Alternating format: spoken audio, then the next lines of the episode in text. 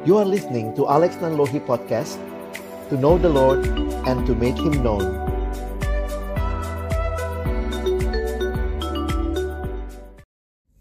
Hai teman-teman, Halo. ketemu lagi dengan kami berdua di Obrolan Santai. Nah, kali ini kita mau ngangkat satu topik nih, Dek ya. Mm-mm. Eh, tentang apa nih? Tentang kesepian katanya bang. Oh, oke. Katanya eh, itu beda antara alone dan lonely katanya. Wes, Kamu bisa aja rame-rame tapi tak kamu tetap Tetap merasa kesepian. kesepian. Ya, tapi ketika Mm. kamu sendiri belum tentu kamu ngerasain kesepian. Hmm. Dan itu juga ada beberapa orang yang mbak pakai alasan ya gue nyari pacar lah, soalnya gue sepi, gue kesepian nih gitu ya. Dan Ah. Untuk akhirnya menemani kesepiannya. ah, ah, gitu ya. mengisi kesepian itu dan kayaknya itu jadi banyak excuse. Aha. Misalnya nih, ya gue terlibat dengan relasi yang tidak semestinya misalnya. Hmm. Kenapa? Karena gue sepi. Misalnya Hmm. ada temen yang ternyata waktu itu dia cerita nih gue biasa chatting sama nih cowok dia cewek ya Hmm.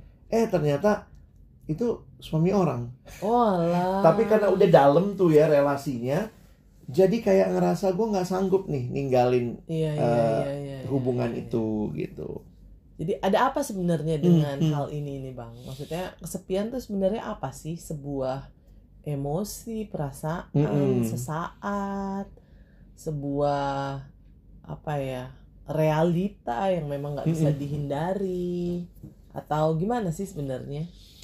nah ini memang pembahasannya pasti panjang sih ya Hmm. cuman aku coba soroti aspek yang yang mungkin aku pernah pelajarin ya Hmm. Jadi waktu bicara kesepian itu aku setuju tuh dengan kalimatmu tadi bahwa sendiri itu belum tentu kesepian, Hmm.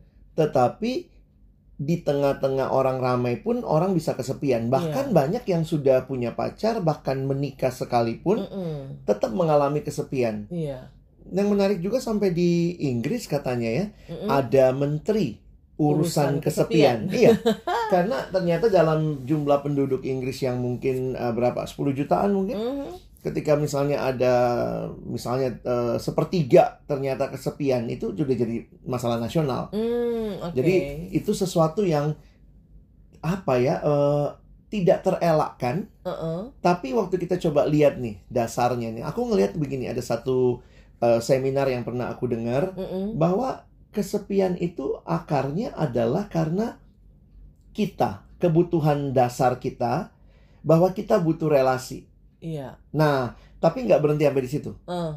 Karena yang di- digarap atau dibahas lebih jauh, kita butuh relasi yang bermakna. Mhm, Oke. Nah, jadi sebenarnya kebutuhan dasar itu adalah terkait dengan ya siapa manusia. Mm-mm. Mau nggak mau, misalnya kalau kita lihat nih, ketika Tuhan menciptakan manusia pada awalnya, Tuhan menciptakan manusia di dalam relasi. Iya. Dan itu relasinya relasi dengan Tuhan Mm-mm. dan juga relasi dengan Sesama. Sesama. Oke. Nah. tapi bukan sekadar relasi. Mm-mm. tapi relasi yang bermakna, relasi yang dalam dan bermakna. Gimana tuh maksudnya relasi yang dalam Nah. dan bermakna, Bang? Apakah punya teman itu nggak berarti bahwa itu relasi yang dalam dan bermakna? Karena kan ini balik lagi ya, Iya. ketika misalnya sebuah apa ya, sebuah pernikahan aja Mm-mm. yang dia sudah punya teman tetap bahkan ya, tapi kok bisa kesepian. Mm-mm. Nah, jadi mungkin juga karena banyak relasi yang ada Mm-mm. tidak bermakna, tidak Oh, mendalam. Bahkan di dalam pernikahan sekalipun. Iya. Hmm. Makanya kita menemukan juga eh, maksudnya em, apa ya pernikahan yang ketika dia ngerasa kesepian, dia depresi, bahkan Mm-mm. juga kalau kita bicara nih ya, sekarang kan banyak nih medsos, Iya. kita ngelihat keberhargaan diri kita dari berapa sih follower kita, Ah. berapa yang nge-like, tapi jangan lupa loh banyak artis-artis yang followernya jutaan kesepian juga. Hmm, hmm. Jadi makanya aku menarik tuh waktu dikatakan sebenarnya manusia tuh butuh relasi yang dalam bermakna bukan sekadar relasi biasa. Ah, Oke. Termasuk misalnya ya dengan Tuhan. Mm-mm. Tuhan pun maksudnya gini, bukan cuma kita beragama punya Tuhan, tetapi lebih dalam lagi sebenarnya siapa sih Tuhan yang kita sembah? Nah, itu yang kayaknya eh aku lihat apalagi dengan realita manusia udah jatuh dalam dosa, Mm-mm. maka kesepian itu bisa menjadi sesuatu yang apa ya? Menggerogoti. menggerogoti lalu makin lama kemudian dampaknya akhirnya ke hal-hal yang misalnya ya menikmati relasi yang tidak benar dengan Iya, iya, suami iya. orang dengan pacar orang lain selingkuh itu jadi biasa dengan alasan gue sepi nih Oke, oke. dan bahkan tidak sedikit orang yang ya ini ngomong jujur aja ya bermain-main dengan aplikasi media sosial untuk sekadar mencari teman mengisi Hmm, kesepian. kesepian. Jadi aku pikir sih gimana ya kita mesti bisa menyikapi ini dengan benar karena kita semua mungkin atau bisa kesepian Hmm. begitu. Karena itu ya mungkin nasihatnya buat yang sudah pacaran ya bangun relasi yang mendalam. Hmm. Yang sudah menikah pun juga harus memupuk relasi itu gitu. Supaya tidak jadi sesuatu yang membuat orang jadi kesepian karena kita bisa bareng-bareng tapi tidak ada komunikasi. Hmm. Nah itu bagiku agak mengerikan sih. Iya, iya, iya, iya. Nah jadi mungkin perlu untuk kita gali sama-sama apakah benar teman-teman yang sementara kesepian itu melihat solusinya adalah butuh pacar. Ah, Bahkan apakah selalu pacar? iya atau cari teman, cari apa gitu. Hmm. Jadi kadang-kadang kita tuh nggak belajar me, me- apa deal menghadapi kesepian itu dengan sebagaimana mestinya. Hmm. Makanya ada kalimat yang juga mengingatkan gitu dalam seminar yang aku dengar, dia mengatakan bahwa kita tidak bisa expect orang lain untuk mengisi kesepian kita. Oke. Maksudnya kita pun sadar itu sesuatu yang apa ya? eh mungkin dipakai istilah timbal Hmm, balik hmm. begitu. Jadi akhirnya relasi yang bermakna itu ya kita harus doakan itu dua pihak begitu. Dan ya karena kita orang yang percaya sama Tuhan, kita menyadari bahwa sebenarnya relasi yang paling dalam dan bermakna yang Tuhan sediakan Iya, adalah relasi dengan Tuhan. dengan Tuhan, dengan dirinya. Sehingga memang ada misalnya praktek-praktek yang dilakukan misalnya alone with God. Hmm. Alone with God bukan berarti kita jadi lonely. Oke. Tapi waktu kita berdua dengan Tuhan, kita bisa curhat, mencurahkan isi hati, Tuhan menyapa kita lewat firman, itu jadi sesuatu relasi yang bermakna. I see.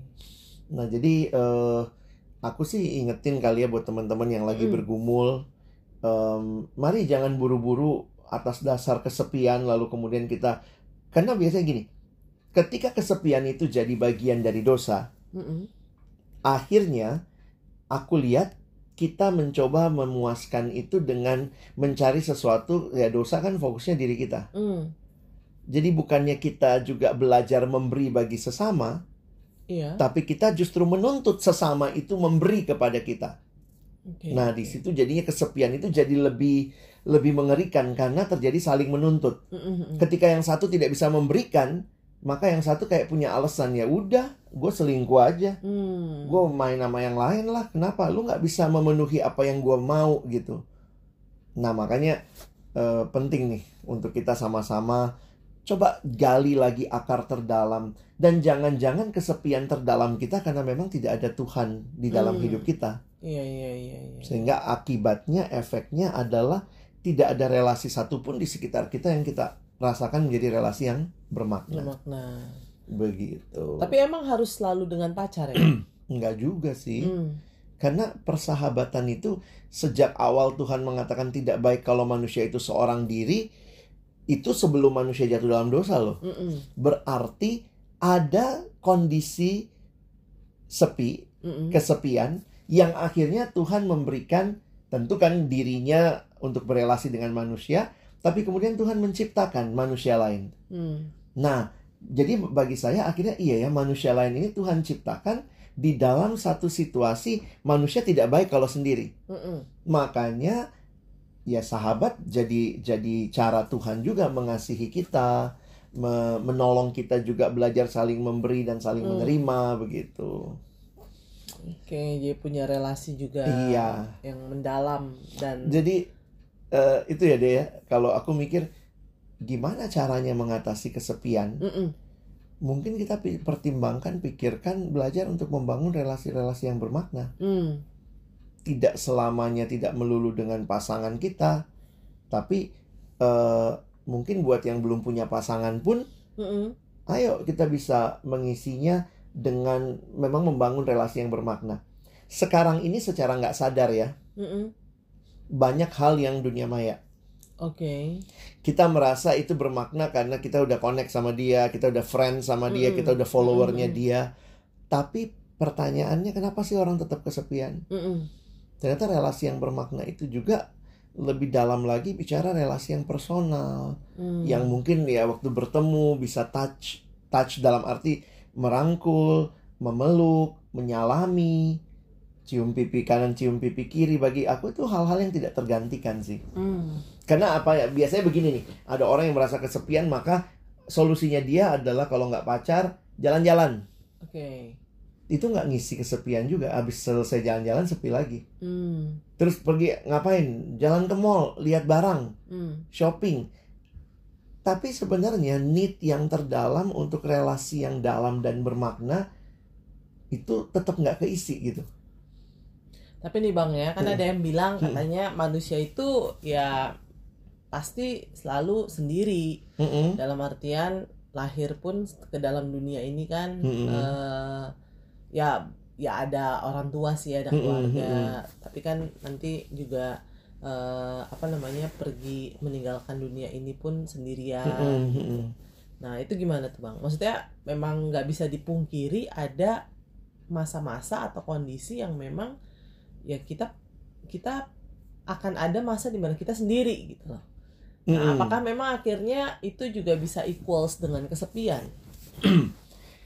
Ada pepatah dalam bahasa Inggris mengatakan begini, man is not an island. Ah, manusia itu bukan satu pulau yang tidak butuh terpisah dengan yang lain.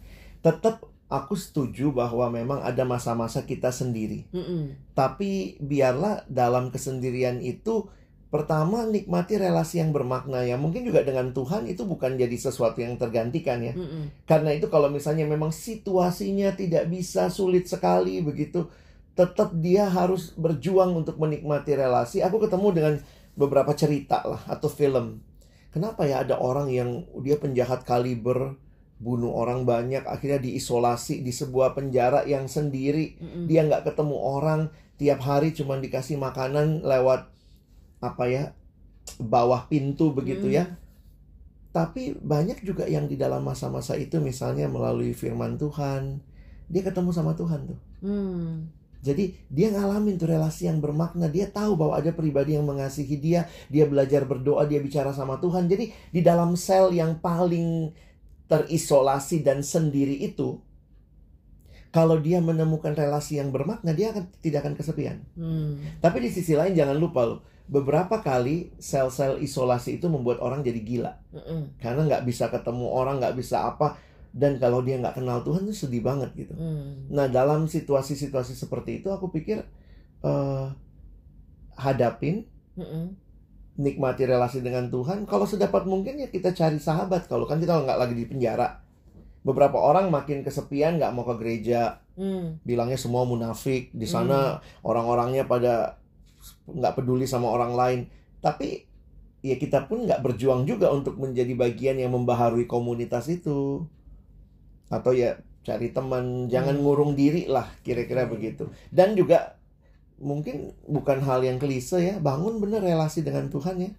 Karena itu akan menolong kita bisa menghadapi kesepian-kesepian yang yang dalam tahapan hidup tuh pasti kita alamin baik kesepian karena akhirnya memang cuman sendiri mm-mm, atau kesepian karena sebenarnya kita tuh nggak nemuin eh apa ya relasi-relasi yang atau kita sedang tidak sedang membangun relasi yang bermakna itu oke oke begitu oke. jadi Oke. ya kiranya ini sih bisa menolong teman-teman untuk paling tidak begini ya mengidentifikasi lah Mm, sebenarnya apa yang terjadi sama diri kita dan jangan apa-apa mengatasnamakan gue sepi nih iya kak gue sepi nih makanya gue Uh-uh. main eh, apa aplikasi. Misalnya Uh-uh. kak gue sepi nih makanya gue lebih seneng ngabisin waktu dengan main game online. Mm, justru itu makin ngebuat tak tambah sepi ya? Iya tapi iya. gimana sih bang ngebedain antara sepi dan bosan gitu Nah itu ya kita sendiri yang bisa jawab sih. Iya kadang-kadang Mungkin karena dia bosenan gitu ya. Iya, maksudnya bukan karena kesepian, tapi karena mungkin bosan. Karena ada orang-orang Hmm. kan, yang katanya kalau misalnya orang-orang introvert itu lebih suka kalau sendiri. Sendiri dia dapat energi dari iya, sendiri. nggak nggak nggak di nggak dikelilingi oleh banyak orang. Dia lebih suka melakukan segala sesuatu sendiri. Apakah itu akhirnya juga tergolong akhirnya? Tapi kan itu bukan tergolong kesepian kan? Bukan sih, karena Bukan. personality type aku Yes. pikir nggak nggak ini ya, nggak kaitan langsung. Tapi mungkin begini, orang-orang yang introvert mungkin lebih gampang kesepian karena Hmm. tipe pribadinya lebih gampang menarik diri Hmm, sendiri. Oke. Tapi orang-orang yang ekstrovert kan lebih cenderung apa sosial. Hmm. Tapi banyak hal juga loh deh orang-orang yang ekstrovert banyak yang kesepian loh. Oh, lebih banyak setahu Iya, so daripada yang introvert. Jadi akhirnya kan, Introvert justru lebih senang ya nggak nggak masalah dengan nggak ada orang. tapi mungkin dia nikmatin kali Iya. relasi tapi dengan kalau- buku atau Nah. dengan apa dengan bacaan gitu Kalau ya. ekstrovert kan kayaknya kalau nggak ada orang Mm-mm. dia bisa gimana gitu kali. Nah jadi balik lagi sih eh, bukan masalah kamu ekstrovert introvert, Hmm. Bukan masalah kamu punya pacar nggak punya pacar, bukan masalah kamu ke gereja nggak ke gereja. Semua orang bisa ngalamin kesepian kalau dia tidak sedang punya relasi, relasi yang, yang mendalam, dan mendalam bermakna itu. Jadi Iya, eh, mari kita coba lah ya untuk membangun relasi itu. Yang Mung- pertama tentu sama Tuhan. sama ya. Tuhan ya. Nah itu ada yang nanya gini, tapi kan bisa mengecewakan nggak sih? Hmm. Ya relasi sih bisa mengecewakan. Karena itu sebenarnya gini, relasi yang dalam dan bermakna menurutku ada banyak tahap juga sih. Hmm. Ada situasi di mana kita ditolong deket sama orang, mulai punya teman, mulai bersahabat, disakitin mungkin, Mm-mm. tapi kan di dalam anugerah Tuhan kita diajar untuk belajar mengampuni. Kalaupun habis mengampuni relasinya nggak bisa balik seperti yang dulu, ya mungkin Tuhan mengizinkan kita bersahabat sama dia cuma sampai situ. Nah, nextnya kita bangun lagi persahabatan begitu ya. Tapi memang pada saat semua orang meninggalkan kita sekalipun, kayak Daud bilang, ini orang terdekatnya meskipun ayahku dan ibuku meninggalkan aku, tapi Tuhan nggak meninggalkan aku. Iya iya iya. Jadi saya pikir sih, eh, tapi mah kalau bilang Tuhan kan langsung abstrak ya. Uh-uh. Wah gimana nih Tuhan? Tapi ya Tuhan juga mengizinkan kita punya sahabat sepanjang perjalanan hidup kita. Oke. Iya iya iya. iya. Ya kiranya ini boleh jadi berkat kali ya buat Yap. teman-teman supaya ke depan makin melihat Hmm. dan bagaimana cara memenuhi kebutuhan itu Iya. jangan lari dari eh, mengejar hal-hal yang kayaknya se- sekedar mengisi kebosanan kali ya dek. Yes. Tapi sebenarnya kesepiannya nggak diatasin gitu. Oke, Oke. Uh, uh, thank you. Sampai ketemu Ya. teman-teman. Bye. Ya.